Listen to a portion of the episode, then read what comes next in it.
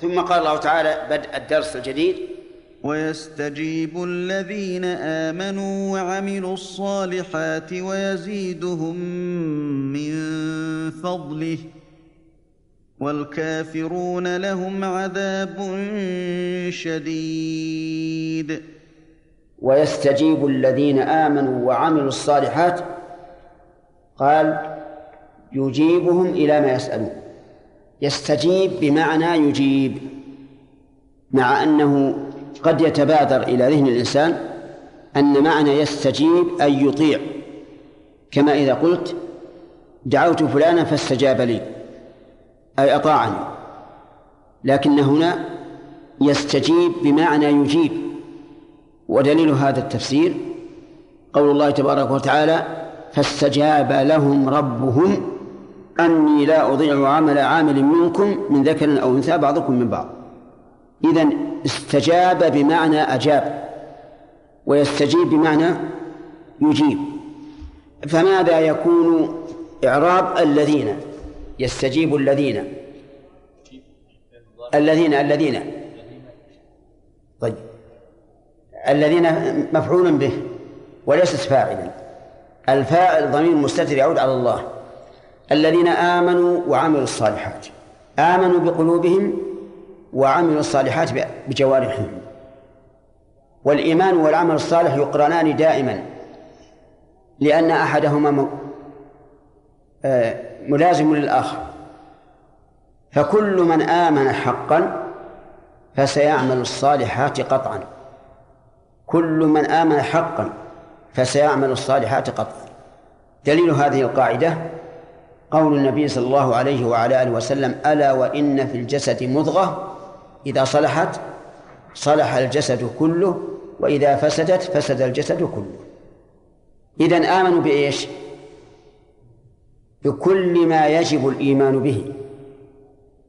وعرفتم أن أركان الإيمان قال عنها النبي صلى الله عليه وسلم إنها الإيمان بالله وملائكته وكتبه ورسله واليوم الآخر والقدر خير وشر عامل الصالحات. الصالحات هذه صفة لموصوف محذوف.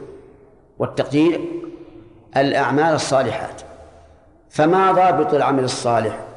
ضابط العمل الصالح أن يكون خالصا لله موافقا لشريعة الله يا محمود. طيب ما هو العمل الصالح؟ نعم. أن يكون خالصا لله موافقا لشريعة الله. هذا يقع في أمة محمد عليه الصلاة والسلام. لكن هل يقع في في الأمم السابقة؟ الجواب نعم. حين كانت شرائعهم قائمة يقع منهم الإيمان والعمل الصالح. طيب إذا العمل الصالح ضابطه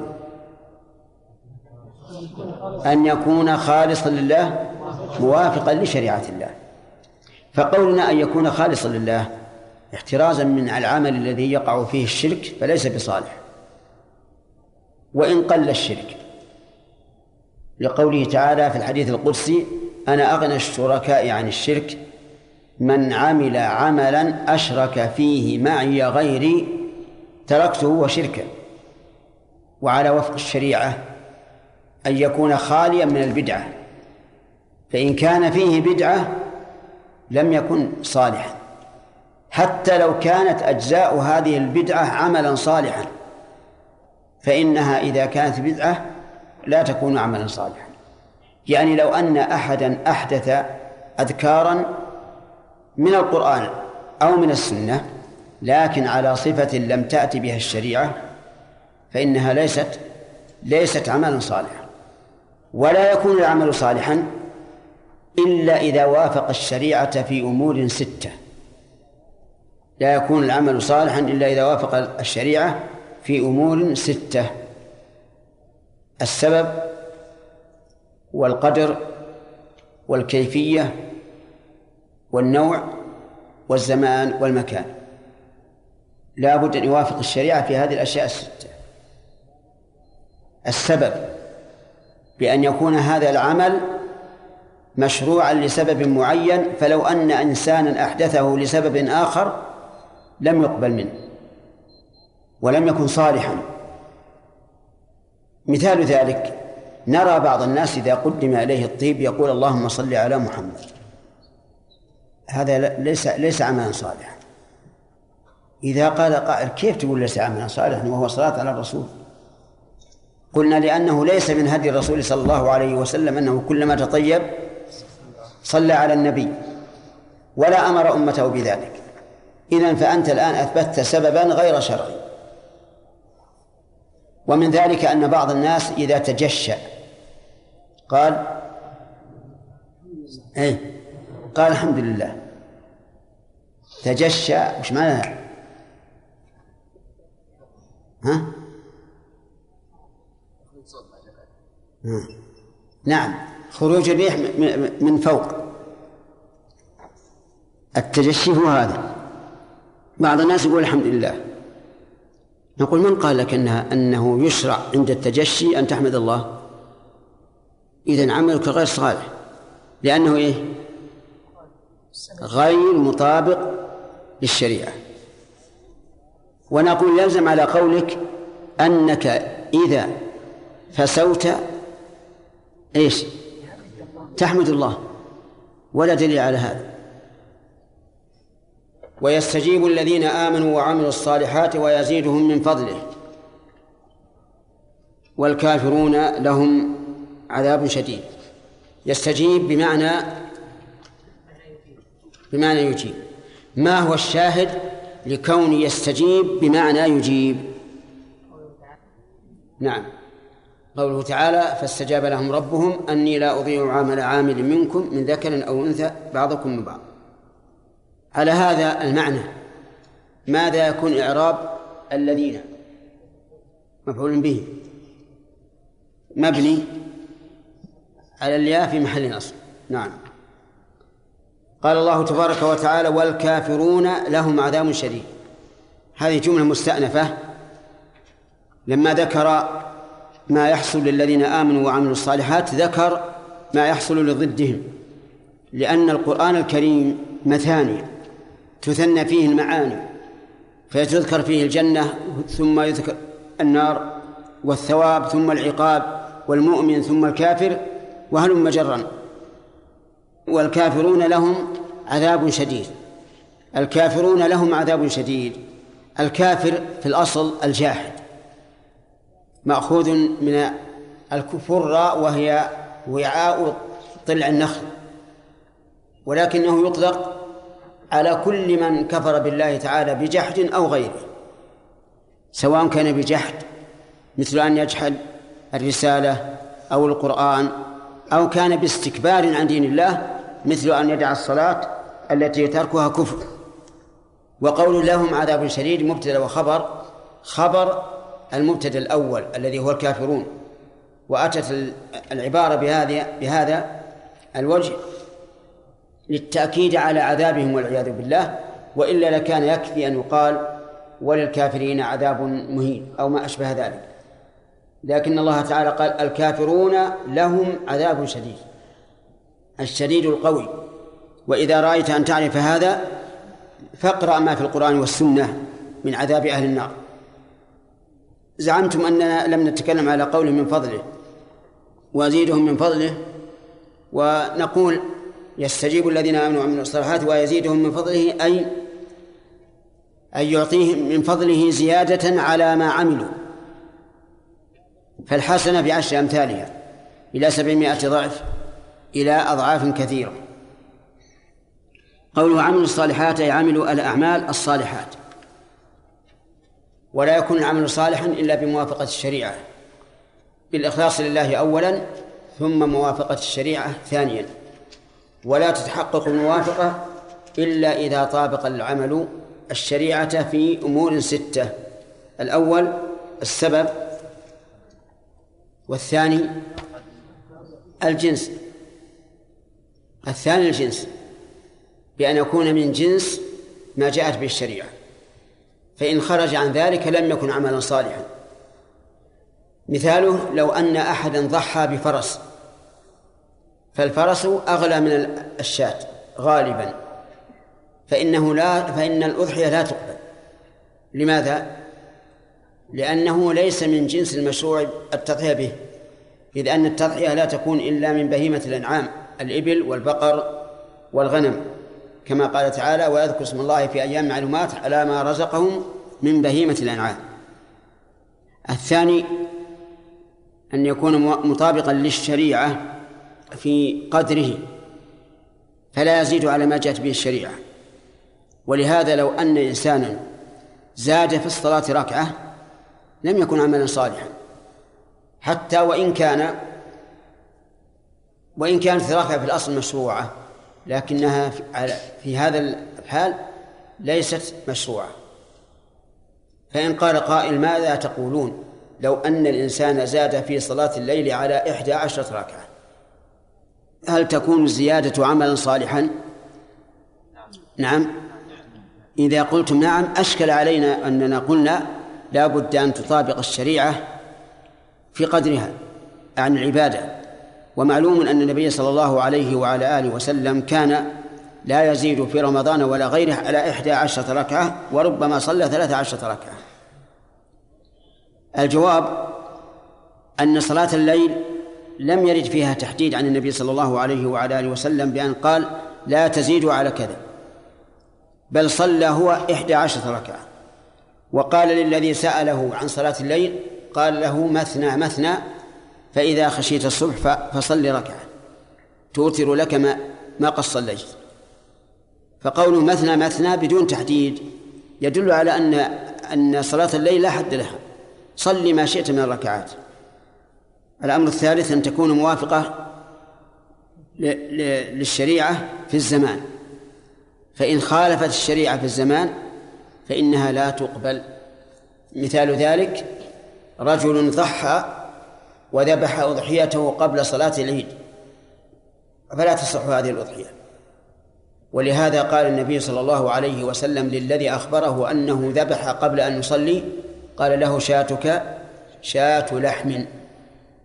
الخامس في المكان أن تكون موافقة للشريعة في المكان يعني أنه إذا خص الشارع العبادة بمكان معين فإن صلاتها في غير هذا المكان لا تقبل. فالوقوف بعرفة لو أن إنسانا وقف في مزدلفة بدل الوقوف بعرفة. فإن ذلك لا لا يصح. لماذا؟ لأنه وقف في غير المكان الذي حدد. ولو اعتكف الإنسان في بيته لم يصح الاعتكاف لأن الاعتكاف مخصوص بالمساجد. السادس أن تكون مطابقة للشريعة في هيئتها يعني الكيفية. فلو توضأ الإنسان وغسل يديه قبل وجهه فالوضوء لا يصح. لماذا؟ جيبوا جماعة. لأنه مخالف للشريعة في الهيئة إذ أن الله يقول اغسلوا وجوهكم وأيديكم. ولو صلى الإنسان فسجد قبل أن يركع ثم قام وركع لم تصح الصلاة لعدم موافقة الشريعة في في الهيئة. هذه ستة أشياء لا يمكن أن تكون العبادة مطابقة للشريعة إلا إذا تحققت هذه الأشياء الستة. من فوائد الآية الكريمة فضيلة الإيمان والعمل الصالح وأنه سبب لإجابة الله تعالى. ومنها من الفوائد أن الله تعالى يعطي المؤمنين العاملين الصالحات أكثر مما عملوا لقوله ويزيدهم من فضله. وهذه الزيادة بينها الله تعالى في مواضع أخرى من كتابه فقال من جاء بالحسنة فله عشر أمثالها. وقال مثل الذين ينفقون أموالهم في سبيل الله كمثل حبة أنبتت سبع سنابل في كل سنبلة مئة حبة والله يضاعف لمن يشاء. وربما يقال أيضا بزيادة أخرى غير العدد وهي أنه يزيدهم من الإيمان والعمل الصالح. لأنه كلما عمل الإنسان عملا صالحا ازداد يقينه. ولهذا كان من قول أهل السنة والجماعة أن الأعمال داخلة في الإيمان. ومن فوائد الآية الكريمة أن كل ما ينال الإنسان من خير فبفضل الله. وعلى هذا يجب على الإنسان أن يقطع عن نفسه الإعجاب ويجب عليه أن لا يقول هذا من عندي أو أنا جدير به أو ما أشبه ذلك من الكلمات التي يفخر بها على الله عز وجل. ومن فوائد هذه الآية الكريمة التحذير من الكفر لقوله تعالى والكافرون لهم عذاب شديد لأنه ليس المراد من هذه الجملة الإخبار بشدة العذاب للكافرين ولكن المراد بيان هذا والتحذير من الكفر خوفا من العذاب الشديد. ومن فوائد الآية الكريمة أن الله تعالى ينذر الناس عن المعاصي والكفر بذكر العقاب. أخذ العلماء من هذا أنه إذا ذكر الله تعالى عقابا في عمل من الأعمال دل ذلك على تحريمه وإذا ذكر ثوابا في عمل من الأعمال دل ذلك على مشروعيته. نعم. شيخ الله. قلنا قوله عن عباده نعم. أن القبول هنا مضمن معنى العبد نعم. شيخ هذا التفسير شيخ ما يكون تكرار في الآية؟ لا لا. هو فيه تكرار لكن توكيد. توكيد معنوي شيخ توكيد شيخ مر معنا من قواعد التفسير إنه حمل معنى على التأسيس اولا من التوكيد. ما لم يكن هناك دليل. يعني إذا تعارض هذا وهذا نحمل على التأسيس لا شك. لكن لما لم يتعارض. نعم. تقرر معنا شروط التوبة خمسة. نعم. وكذلك ذكرنا من الشروط إذا تعلقت المعصية أو الذنب بحق آدمي بإرجاع الحق أو الاستحلال. ولم نذكر ذلك في الخمسة الشروط. هل هو يعني مدرج مع واحدة منها؟ ما تقولون؟ يقول لم نذكر أنه إذا كان الحق للآدمي فلا بد من استحلالها أو رده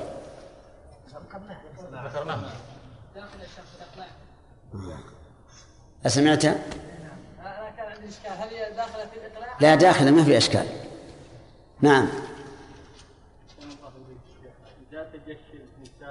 إيش؟ فقال فقال الحمد لله إذا تجشى الإنسان فقال الحمد لله بسبب أن الكفار يضحكون في من اللي يضحك؟ الكفار. الكفار؟ حتى عند بعض المسلمين عيب ولهذا قال الفقهاء يكره رفع الإنسان أن يرفع إلى السماء وجهه إلا إذا تجشى في الصلاة فليرفع لئلا يؤذي من حوله بالرائحة. ولا يفهم الناس ما ذكرت أبدا. العجوز أو الشيخ الكبير إذا تجشى وقال الحمد لله هل يخطر بباله أنه علشان اللي يضحكون؟ يعني بسبب خلاف الكفار. لا لا أبدا أبدا. هذه علة عليلة ومريضة مرضا لا يرجى برؤه. شيخ رجل كلما تجشى حمد الله بسبب أنه يعني يشعر بالارتياح بعد بعد التعب. أي هذا هذا سبب لا لا ما بصحيح. لا يستصحب دائما. صحيح إنه مثلا لو لو أن الإنسان وجد ضيقة في نفسه واحتاج يعني ورأى نفسه محتاجا للتجشي هذا يحمد الله مو علشان تجشي علشان زوال الأذية. هذه لسبب نعم. دائما ما الفرق بين؟ آه.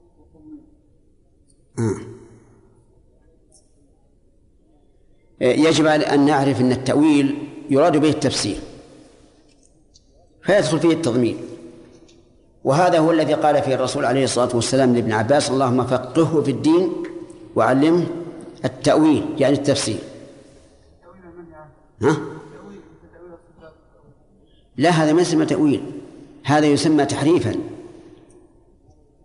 ولا يجوز أن نسموه أن نسميه تأويلا وإن سموه هم تأويلا. لكن هم يقولون تأويل علشان ألا ينفر الناس من صنيعهم. لو قالوا أهل التحريف و... والسلف يقبلهم أحد أو لا يقبلهم؟ لا يقبلهم. فجاءوا بالتأويل تلطيفا ولهذا نظائر. النصارى سموا في الأخير أنفسهم إيش؟ مسيحيين. ليضفوا على ملتهم المنسوخة أنها شرعية وأنهم أتباع المسيح. والمسيح عليه الصلاة والسلام أبرأ الناس منهم ولو خرج لقاتلهم وهم كاذبون على المسيح فيما يدعون. لكن سموا أنفسهم بالمسيحيين علشان إيش؟ يضفوا على أنفسهم الشرعية. ونظير ذلك أيضا. الرافضة يرفضون اسم الرافضة. ويغضبون عليك. فسموا أنفسهم شيعة. ومن أحق أن يكون شيعا شيعيا؟ أهل السنة. لأنهم هم الذين يحبون آل البيت محبة سنية شرعية. أما هؤلاء الرافضة فإنهم يحبون آل البيت محبة شركية. أهل البيت يتبرؤون منهم بلا شك. ولهذا لما قال عبد الله بن سبأ وجماعته لعلي بن أبي طالب أنت الله حقا. تبرأ منه. وأمر بالأخاديد فخدت وملئت حطبا وألقاهم في النار. حرقهم.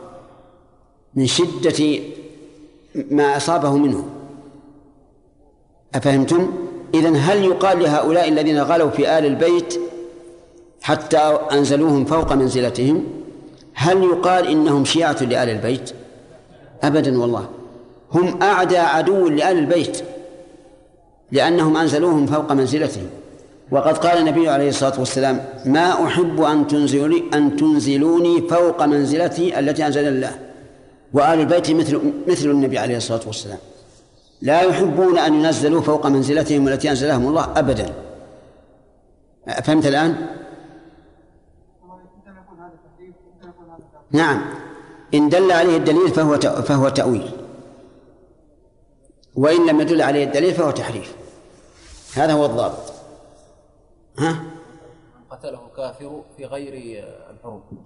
هل يضمن إذا أسلم؟ أصل الكافر حرب ما لم يكن بيننا وبينه عهد. فله فلنا أن نقتله وله أن يقتلنا. يعني له بمعنى أنه لو قتلنا لم يضمن. وإلا حرام عليه أن يقتلنا وحرام عليه يكفر. ولهذا كان قول الراجح أن أن الكفار مخاطبون بفروع الشريعة.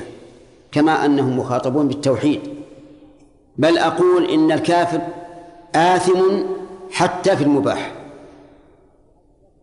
الآن الكافر يأكل ويشرب وآمن ويلبس وكل شيء كل نعمة فإنه معاقب عليها. زيادة على عقوبة الكفر. أفهمتم؟ لا يغرنك تقلب الذين كفروا في البلاد. متاع قليل. ثم مأواهم جهنم وبئس المهاد. وإذا سئل أصحاب النار ما سلككم في سقر؟ قالوا لم نكن من المصلين ولم نكن نطعم المسكين وكنا نخوض مع الخائضين وكنا نكذب بيوم الدين حتى أتانا اليقين. إذن فهم آثمون. وقال عز وجل ليس على الذين آمنوا وعملوا الصالحات جناح فيما طعموا ليس على الذين آمنوا وعملوا الصالحات جناح فيما طعموا وغيرهم.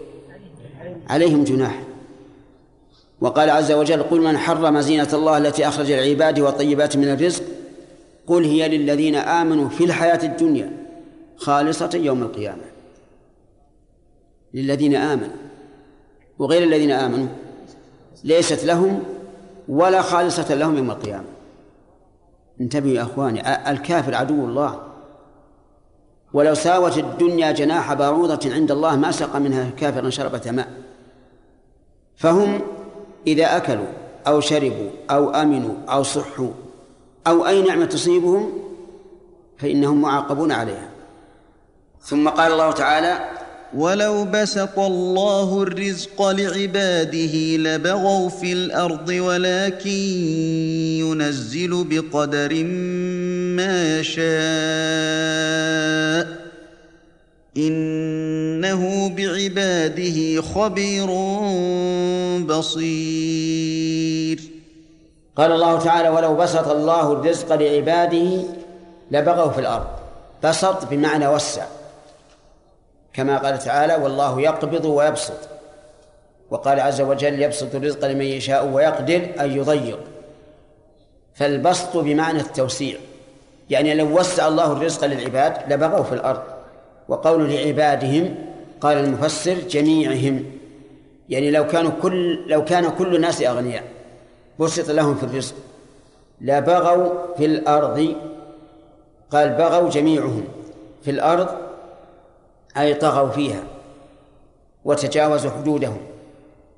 وذلك لأن الجميع كانوا في رفاهية وفي رزق واسع ولا رادع ولا اعتبار ولا استعار وأيضا لو بسط الله الرزق لجميع العباد لفسدت الدنيا لأنه لولا هذا التفاضل بين العباد في الرزق ما خدم أحد أحدا ولا استقامت الأحوال.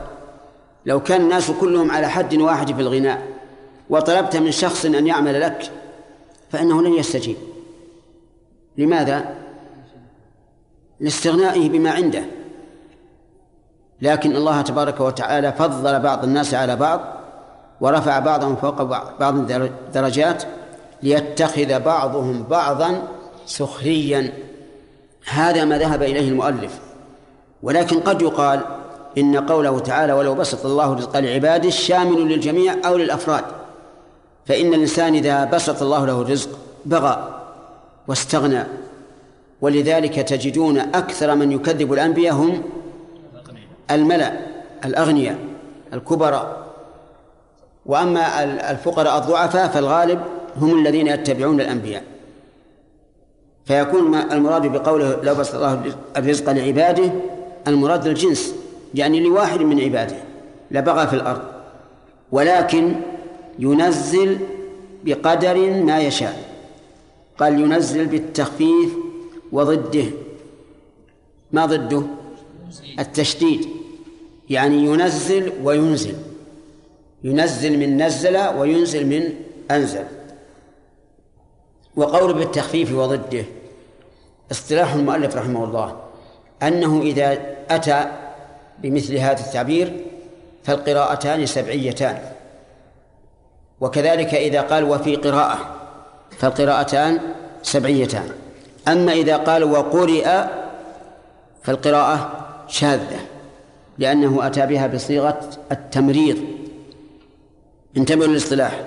هذا التعبير الذي معنا بالتخفيف وضده.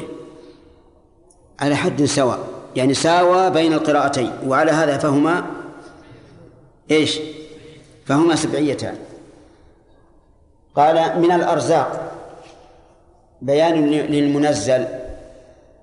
فالمضمر إذن من الأرزاق. ويدل على أن المضمر من الأرزاق قوله ولو بسط الله الرزق ولكن ينزل بقدر أي بتقدير مكتوب في الأزل. لا يتغير ولا يتبدل.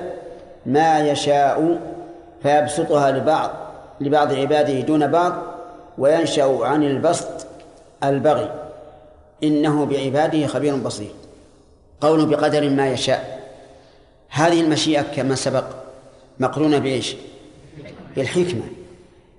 فمن اقتضت حكمة الله أن يغنيه أغناه ومن اقتضت حكمة الله أن يفقره أفقره. وفي الحديث القدسي إن من عبادي من لو أغنيته لأفسده الغنى وإن من عبادي من لو أفقرته لأفسده الفقر. فالله تبارك وتعالى حكيم.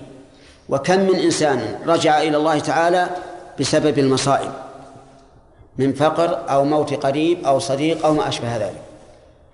ما يشاء. قال المؤلف رحمه الله فيبسطها لبعض لبعض عباده دون بعض وينشأ عن البسط يعني توزيع الرزق البغي.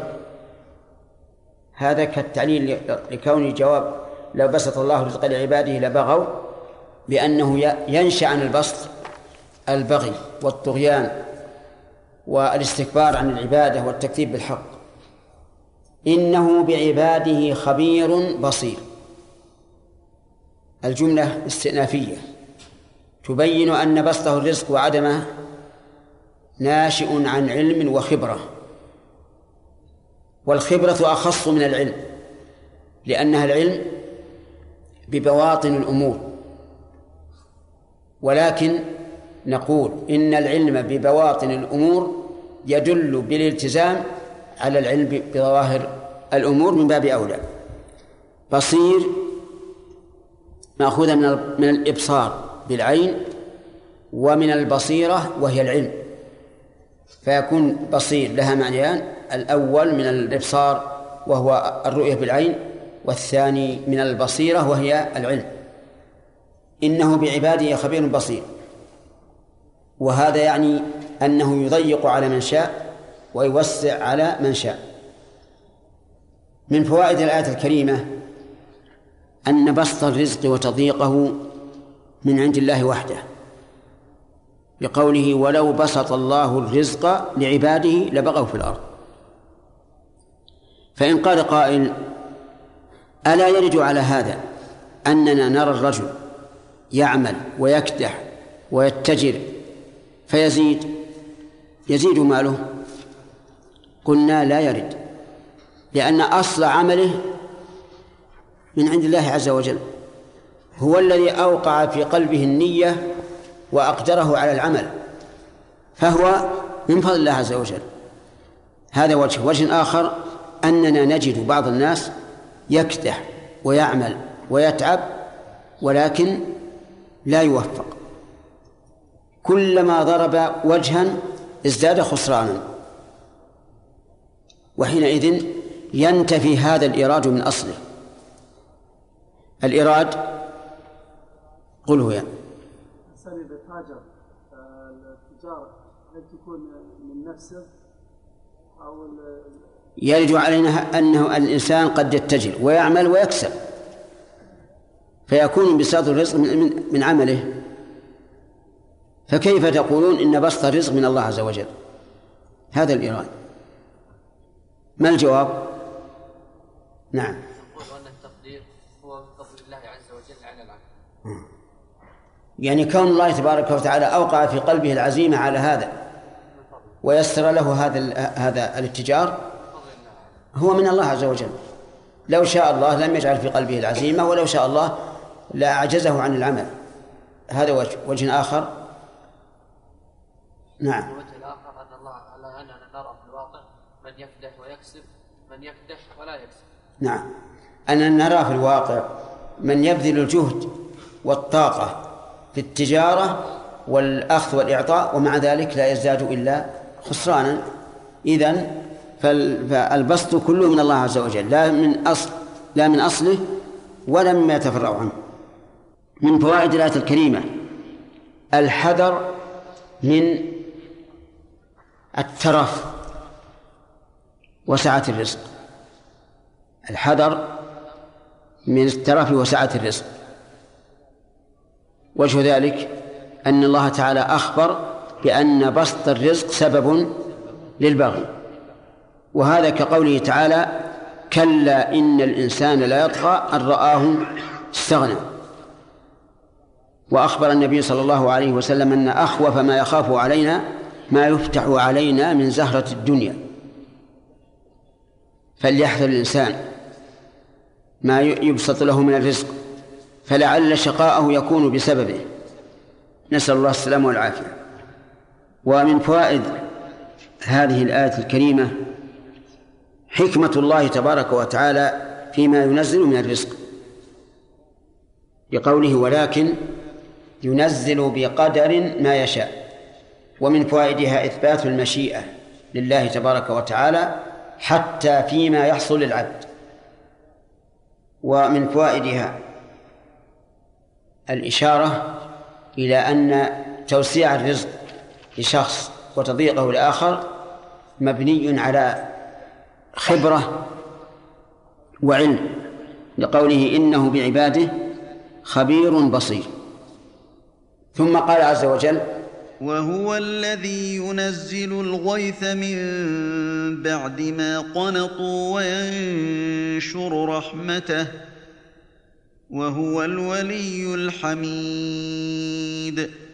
وهو الذي ينزل الغيث. ينزله من أين؟ من السماء. الغيث أي ما يحصل به الإغاثة وهي الإنقاذ من الشدة من بعد ما قنطوا أي ما قنط العباد. قال المفسر الغيث المطر. من بعد ما قنط قنطوا أي يئسوا من نزوله لتأخره عن وقته. قالوا إذن هذا العام ما في مطر. فينزل الله المطر. وإنزال المطر على حين شفقة له وقنوط من نزوله يكون أشد وقعا في النفوس وأبين لرحمة الله تبارك وتعالى وفضله. قال وينشر رحمته يبسط مطره. هكذا قال المفسر. ولو كان المراد كما قال لقال ينزل الغيث من بعد ما قنطوا وينشره.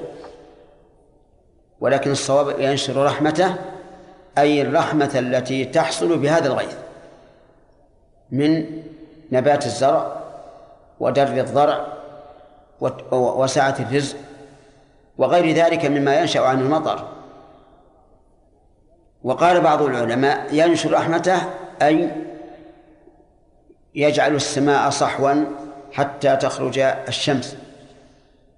وفي هذا نظر.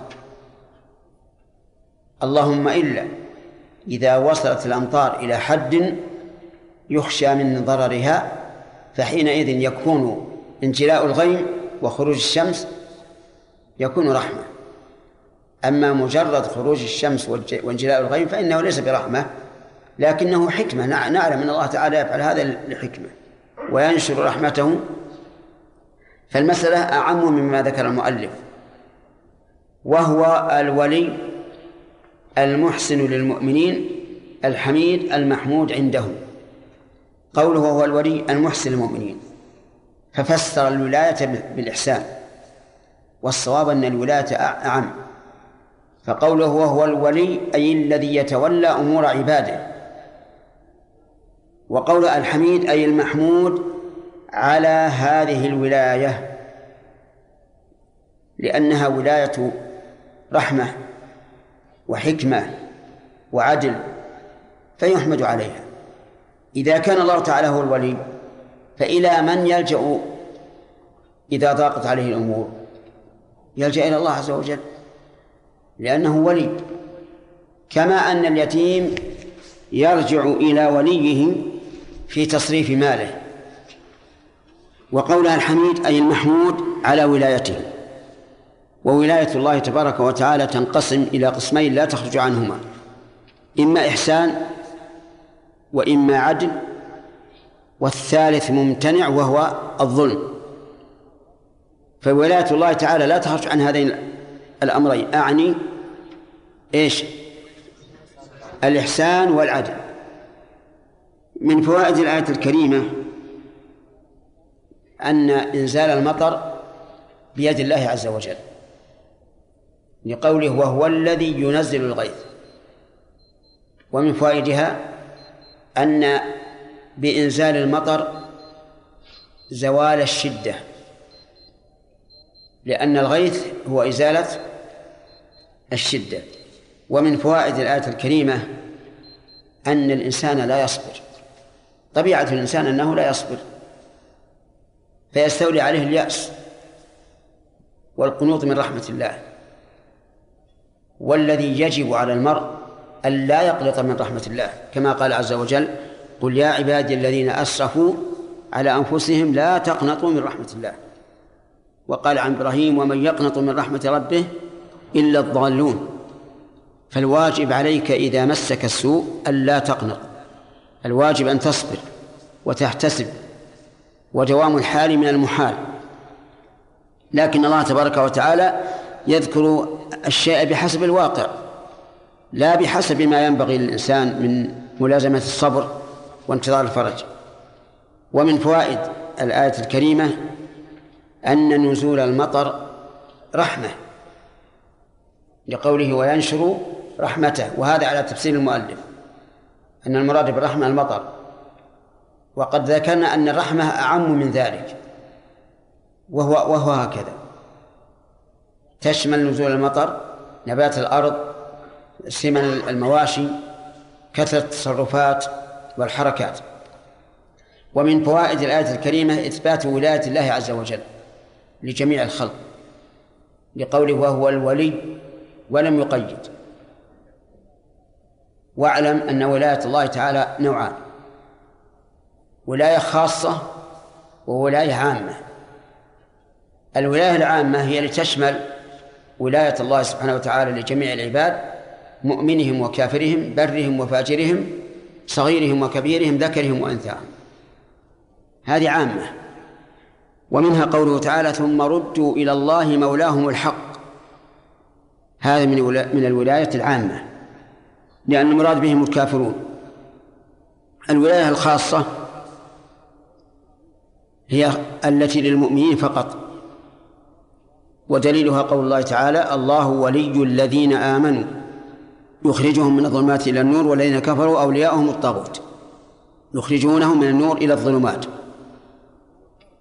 إذن ما الفرق بين الخاصة والعامة؟ الفرق بينهما في المحل ظاهر. الولاية العامة تشمل كل أحد. الولاية الخاصة بالمؤمنين. الفرق بينهما أيضا من حيث الأثر أو التأثير أن الولاية الخاصة تستلزم توفيق الله تبارك وتعالى للعبد في الهداية وغير ذلك. والعامة لا تستلزم ذلك. فإن الكفار الله وليهم بالمعنى العام ومع ذلك لم يهدهم لأن الحكمة تقتضي أن لا يهديهم. ومن فوائد الآية الكريمة أن ولاية الله تعالى محمودة على كل حال لقوله الولي الحميد. اقرن بين هذا وبين قوله تعالى وهو الغني الحميد. تجد التناسب التام. فالغني الحميد الذي يحمد على غناه بحيث يغني به من شاء. والولي الحميد الذي يحمد على ولايته بحيث يختص بالولاية الخاصة من شاء ويمنعها عن من شاء. وعلى كل حال فولايته حميدة وغناه حميد عز وجل. نعم. نعم. صحيح نعم. ولما رجح لحديثه فما عليهما جميعا بشرط بشرط ألا يتنافيا. هذا هنا يتنافيان. وجه ذلك إن إذا قلنا يستجيب آه، إنها عائدة إلى الله عز وجل صارت الذين محلها النصب فهم مجابون. وثانيا آه، أن أن وإذا قلنا انها تعود على الله صارت الذين مفعول به. وأيضا يضعف القول الثاني أن يستجيب الذين آمنوا يعني أن الذين هم هم الذين استجابوا لربهم قوله ويزيدهم من فضله. فإن الأصل أن الضمائر تكون واحدة. ومعلوم أن الزيادة من فضله من الفضل خاصة بالله عز وجل. فالقول بأنها تحتمل المعنى الثاني ضعيف لأنها لأنه مرجوح. شيخ أحسن الله إليك من هذه الآية من قوله تعالى ولو بسط الله الرزق لعباده لبغوا في الأرض ذكر بعضهم أن الفقير الذي أفقره الله سبحانه وتعالى لحكمته لا لا يجوز لأحد آه، أن يغنيه مرة يعني يعطيه شيء يستغني به يأكله فقط لكن لا كونه تعطيه ما يستغني به سوء أدب مع الله سبحانه وتعالى. من قال هذا؟ قال هذا ذكره في كتاب آه، تقديس الصوفية للأشخاص. ذكر هذا فتوى واحد واحد من العلماء لا لا عبرة بأقوال الصوفية. لا ذكر واحد من العلماء المفتين في بعض الدول ذكره بنصا هذا هذا قول. هل أنت كنت صوفيا؟ لا الآن ما صوفي. لا هل الآن؟ إلا من قبل؟ اي قبل بدري كنت صوفيا. صوفيا. اي والحمد لله الان الذي أنقذك منه. الحمد لله. هذه نعمة كبيرة. لا هذا غير صحيح. لأنه لو كان كذلك لم يجعل الله للفقراء حظا من الزكاة. أليس الله تعالى جعل للفقراء حظا من الزكاة؟ نعم. وأمر بالإحسان إلى الفقراء. نعم. ما ما هو تبين ضعف هذا القول. نعم؟ القنوط أشد اليأس. يعني إذا ارتفع اليأس حتى لم يبقى في الإنسان أي أمل فهذا قنوط. لا لا. الذين مفعول به. نعم. نعم. وأيضا المرجح عندنا مرجح على أن المجيب هو الله وهو قوله ويزيده من فضله. لو كان كذلك لقال فيزيده بالفاء. يستجيب الذين آمنوا وعملوا الصالحات فيزيدون إذا استجابوا. فلما جاء حرف العطف الذي يقتضي تساوي المعطوف والمعطوف عليه لم يصح ما ما, ما قلت. وإلا لقال ويستجيب الذين آمنوا وعملوا الصالحات فيزيدهم أي بسبب استجابتهم يزيدهم من فضله. نعم؟ نعم. وعلى الإجابة.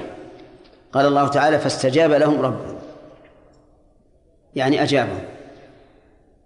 هذا من القنوط. إذا إذا نزل بالإنسان ضائقة وقدر في نفسه أنه لا يمكن زوالها فهذا قنوط بلا شك. لكن إذا قدر في نفسه أنه لا لا تمكن إزالتها من المخلوق فهذا حق. يعني بعض الأمراض مثلا حسب المعروف أنه لا يمكن للمخلوق أن يزيلها لكن قد تزول بإذن الله عز وجل. يذكر لنا أن بعض القراء الذين وهبهم الله تعالى إيمانا وتقوى يقرأ على المصاب بالسرطان فيبرأ بإذن الله. والسرطان حسب الطب الحسي يرونه من الأمراض الميؤوس منها. أفهمت؟ إذا اليأس من أن هذه الضائقة لا تزول على يد المخلوق حق ولا ولا مانع فيه أما من عند الخالق فلا يجوز لأن الله على كل شيء قدير والذي خلقك من ماء مهين قادر على أن يشفيك من هذا المرض مثلا. والذي أخرجك من بطن أمك ليس عليك ثياب؟ حتى هيأ الله لك ثياب قادر على أن يكسوك بالغنى بعد الفقر. فلا تيأس من رحمة الله أبدا. انتظر الفرج ولكن اصبر. لا تتعجل الأمور. فالله تعالى جعل لكل شيء سنة وطريقة تأتي بها في النهاية. انتهى الكلام على على ما سبق الآن. أعوذ بالله من الشيطان الرجيم. قال الله تبارك وتعالى وهو الذي ينزل الغيث من بعد ما قنطوا وينشر رحمته وهو الولي الحميد. ما المراد بالغيث صالح وهو هنا. وهو المطر. طيب هل هناك فرق بين الغيث والمطر؟ ما هو؟ تزول به الشدة. زين. ولا يزول به الشدة. هل هناك دليل على هذا؟ نعم.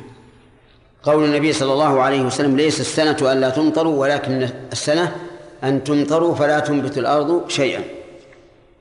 قوله من بعد ما قنطوا هل في هذا تقرير للقنوط؟ هل في هذا تقرير للقنوط وأنه جائز أو بيان للواقع؟ بيان للواقع. لأن القنوط؟ لا لأن القنوط من حكم شرعا. لا يجوز. بل هو من كبائر الذنوب. طيب.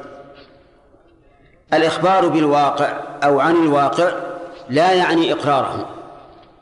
ودليل هذا؟ نعم. نعم. ليكونون من أمتي أقوام يستحلون الحر والحرير والمعازف وقوله لتركبن سنن من كان قبلكم اليهود والنصارى وإخباره بأن الضعين تخرج من كذا إلى كذا لا تخشى إلا الله.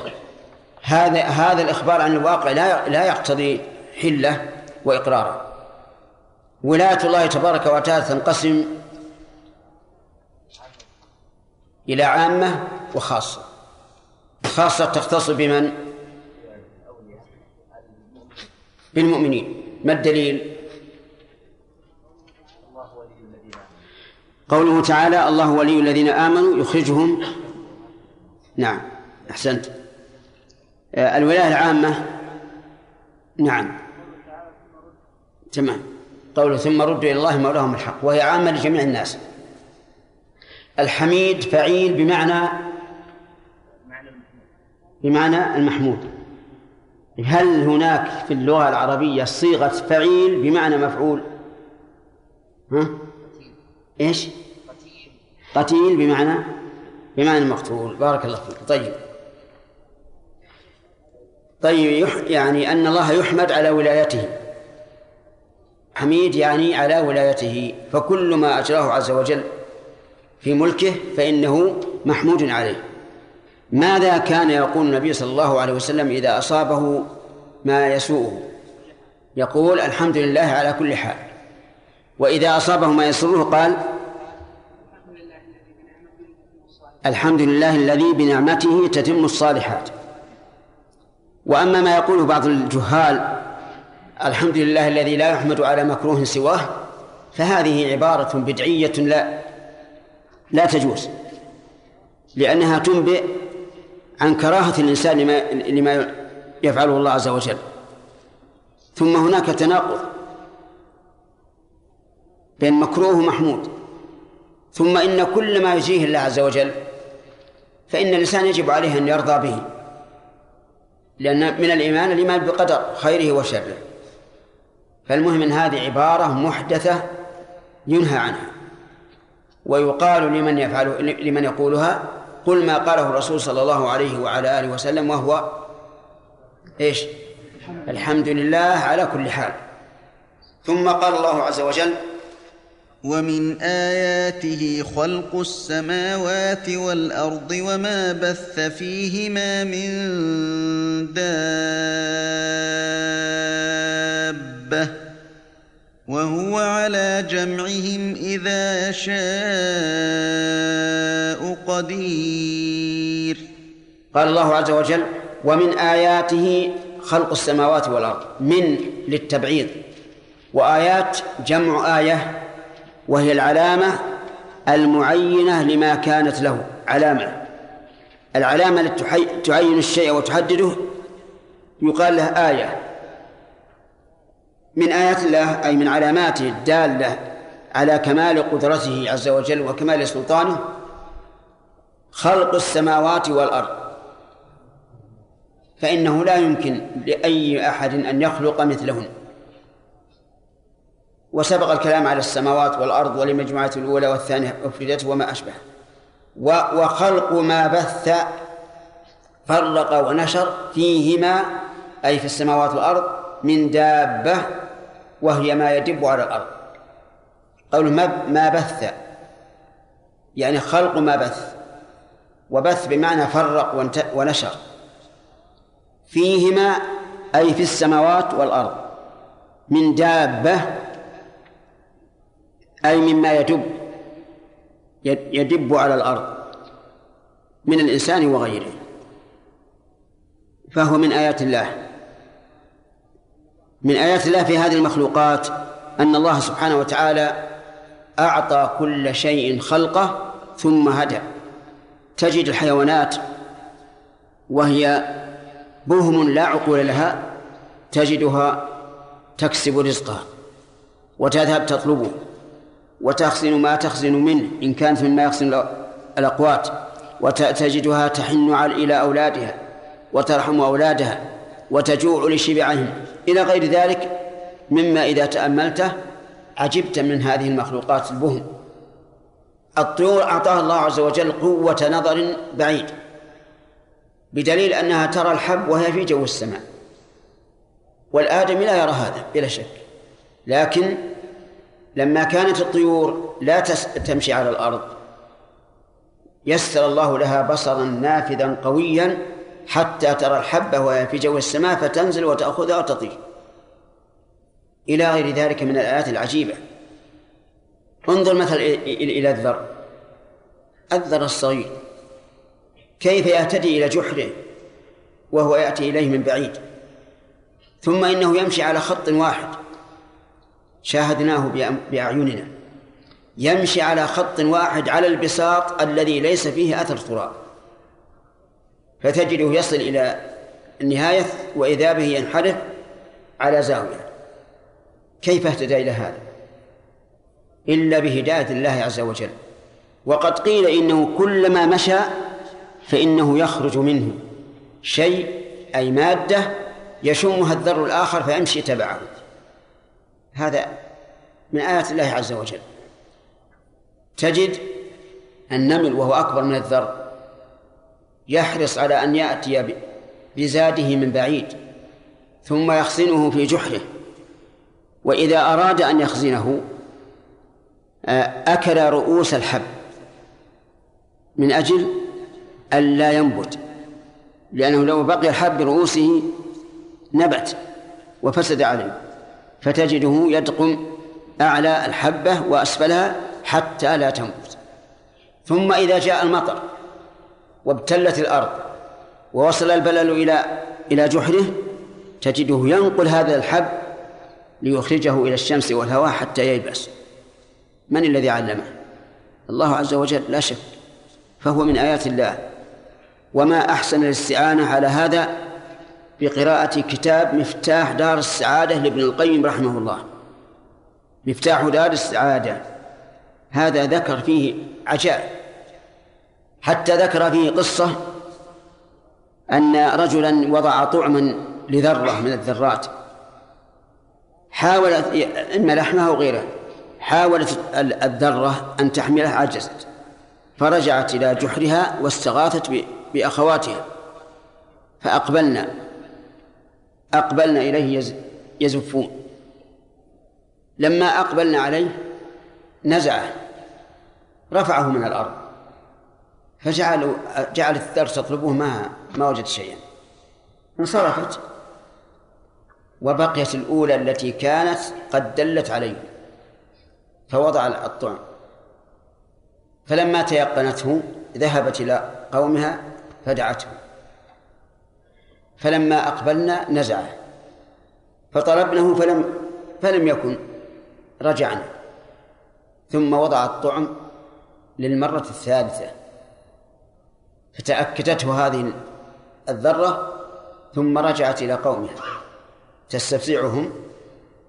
فلما أقبلنا نزعه فلما طلبنه ولم يجدنه أكلنا هذه الذرة نهائيا قطعناها أوصالا يقول فحكيت ذلك لشيخ الإسلام ابن تيمية. متعجبا منه قال نعم كل شيء مفطور على عقوبة الظالم الكاذب وهذه كذبت عليهن وظلمتهن فلم يبقى إلا أن تعدم. لأن الساعي في الأرض فسادا. نعم. يجب إعدامه حتى حتى الآدم ولكن أسألكم هل عليه دية هذه المقتولة؟ الرجل. عجيب نعم. أي هو ظالم لها. ظالم لها نسأل الله أن يعفو عنه. على كل حال قصد قصدي بذلك أن كل شيء هداه الله عز وجل لما خلقه له. حتى الذر شاهدته أنا في حوض نخلة لما سقيت النخلة الماء دخل الماء من من تحت الأرض إلى جحر الذر. فجعلت الذر تحمل بيضها الأبيض وبسرعة حتى أخرجته عن الماء. من الذي هداها لهذا؟ الله عز وجل. وآية الله كثيرة ولهذا قال عز وجل وما بث فيهما من دابة وفي الآية الأخرى وما يبث من دابة فأتى بالماضي وأتى بالمضارع الدال على الاستمرار. قوله من من من دابة وهو هي ما يدب على الأرض من الناس وغيرهم وهو على جمعهم للحشر إذا يشاء جمعهم. قدير وهو على جمعهم أي جمع هذه المخلوقات إذا يشاء أي إذا يشاء جمعهم فالمفعول به محذوف دل عليه السياق. قدير أي لا يعجزه شيء. يقول المفسر رحمه الله في الضمير تغليب العاقل الضمير يعني في جمعهم تغليب العاقل لأن الميم الدالة على الجمع لا تكون إلا في العقلاء وأما غير العقلاء فيؤتى بنون النسوة. لكن هنا أتى بضمير الجمع مع أن ما في الأرض من دابة أكثره غير عقلاء. لكن يقول يقول رحمه الله تغليب للعاقل. في هذه الآية الكريمة بيان أن خالق السماوات والأرض هو الله. لقوله ومن آياته خلق السماوات والأرض. ولم يشاركه أحد في ذلك. ومن فوائدها أن هذه المخلوقات من آيات الله عز وجل. ولكن يا أخوانا لا يتبين أنها من آيات الله إلا بالتأمل. والتدبر لأننا اعتدنا هذه هذه المخلوقات اعتدنا طلوع الشمس وغروبها وطلوع القمر وغروبه فلم يكن ذلك محركا لقلوبنا لأنه شيء معتاد. لكن لو أننا تدبرنا هذه المخلوقات لتبين لنا أنها من آيات الله العظيمة. ومن فوائد الآية الكريمة أن من آيات الله عز وجل ما يبث في هذه في السماوات والأرض من دابة من الآدميين وغير الآدميين. فإن في كل شيء منها آية تدل على كمال وحدانيته عز وجل ورحمته وحكمته. ومن الفوائد أن ظاهر الآية أن في السماوات دواب. لقوله وما بث فيهما من دابة. أما الأرض فالدواب فيها معلومة لنا أكثرها معلوم لنا نعرفه ونشاهد. أما السماوات ففيها دواب لكن لا ندري ما ما هي. إن قلت الملائكة صار في ذلك إشكال. إن قلت غير الملائكة قلنا إن الله على كل شيء قدير. لأن الملائكة بين الله تبارك وتعالى أنهم أولو أجنحة. فقال جاعل الملائكة رسلا أولي أجنحة مثنى وثلاثة ورباع وذو الجناح يطير. وربما يكون يمشي أيضا. على كل حال نحن لسنا مكلفين إلا بما نفهمه من ظاهر الآية ولا نتجاوز ذلك. فنقول ظاهر الآية الكريمة أن السماوات فيها دواب كالأرض. وإذا سألنا السائل ما هذه هذه الدواب؟ قلنا إما الملائكة أو غيرها الله أعلم. أفهمتم؟ طيب. وقال بعض العلماء إن وما بث فيهما من دابة أي في الأرض. كما في قوله تعالى مرج البحرين يلتقيان إلى إلى قوله يخرج منهما اللؤلؤ والمرجان. وزعموا أن ذلك لا يكون إلا في المالح. والصواب أن الآية على ظاهرها في آية الرحمن يخرج منهما وأن البحرين المالح والعذب كلاهما يخرج منه اللؤلؤ والمرجان وإن كان في أحدهما أكثر. ومن فوائد الآية الكريمة تمام قدرة الله عز وجل بجمع هذه الدواب ليوم الحساب لقوله وهو على جمعهم إذا شاء قدير. ومن فوائد الآية الكريمة الرد على أولئك المنكرين للبعث الذين قالوا ايتوا بآبائنا إن كنتم صادقين. المنكرون للبعث يقولون إن كنتم صادقين هاتوا أبانا فيقال إن الله تعالى لم يشأ ذلك وسيشاؤه فيما بعد. وأنتم لم يقل لكم إنكم مجموعون اليوم. بل قيل إن الأولين والآخرين لمجموعون إلى إلى ميقات يوم معلوم. وأما تحديهم بما لم يلتزمه المتكلم فهذا ضائع سدى. ومن فوائد الآية الكريمة تمام قدرة الله تبارك وتعالى بجمع هذه المخلوقات. فإن قيل هل في الآية ما يدل على تقييد القدرة بالمشيئة؟ فالجواب لا. لأن المقيد بالمشيئة ليس القدرة ولكن ولكن الجمع. وبهذا نعرف أن بعض الناس الذين يقولون إنه على ما يشاء قدير قد أخطأوا خطأ عظيما وقيدوا ما أطلقه الله. فإن الله قال إن الله على كل شيء قدير على ما يشاء وما لا يشاء. وهؤلاء يقولون إنه على على ما يشاء قدير. فقدموا المعمول والتقديم المعمول يفيد الحصر إذن هو قدير على الذي يشاء وأما الذي لا يشاء فليس قدير عليه. وهذا غلط غلط عظيم. الله قادر على كل شيء اللي يشاء واللي ما يشاء. إذا هل ننهى من نسمعه يقولها؟ نعم ننهاه عن ذلك. ونقول يا أخي قل ما قاله الله عز وجل إنه على كل شيء قدير لا تقل على ما يشاء قدير.